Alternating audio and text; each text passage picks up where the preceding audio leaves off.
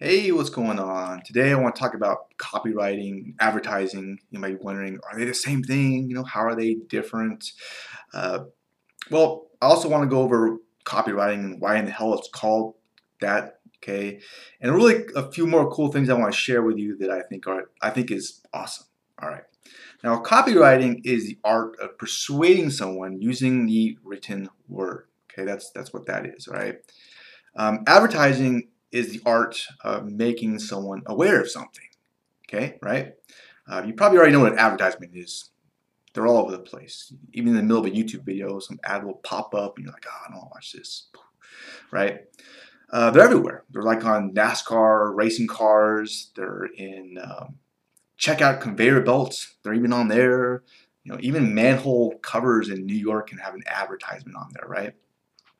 Now, the reason advertising uh, is or can be valuable is because it can drive business growth. But the challenge is this it's hard to measure, okay?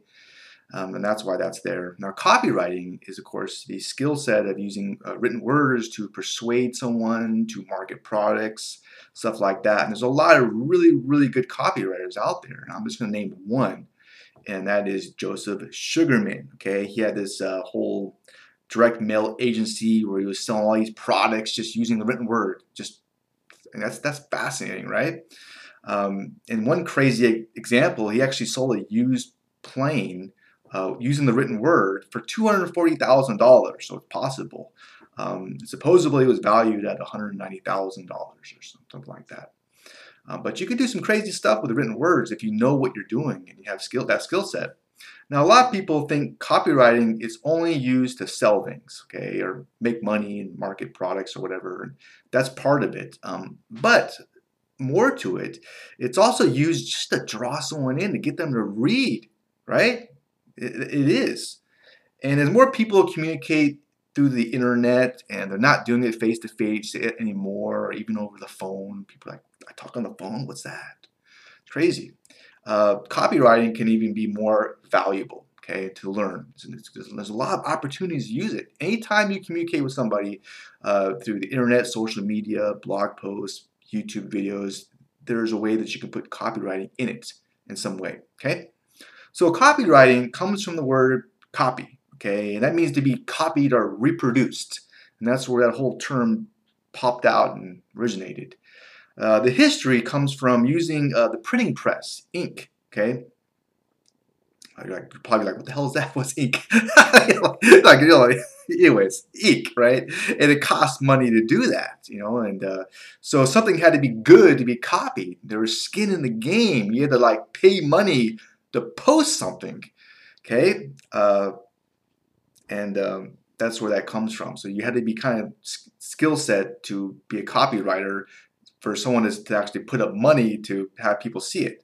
Okay, it's a little different nowadays. And this this kind of reminds me of actually the history of uh, Bitcoin and the whole proof of work system because the, the whole Bitcoin proof of work system has its roots in actually stopping email spam, believe it or not. Because here's the thing if you paid money every time you sent an email, that email will probably be more valuable, right?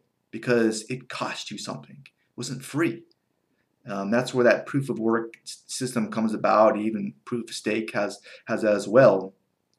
Um, and you see this nowadays, right? You look at say the internet, social media. You know, it's free to post. So you got yeah, fucking weird shit out there. People are posting like, what the hell is this? You know, and look at comments. Hey, it's free to post a comment.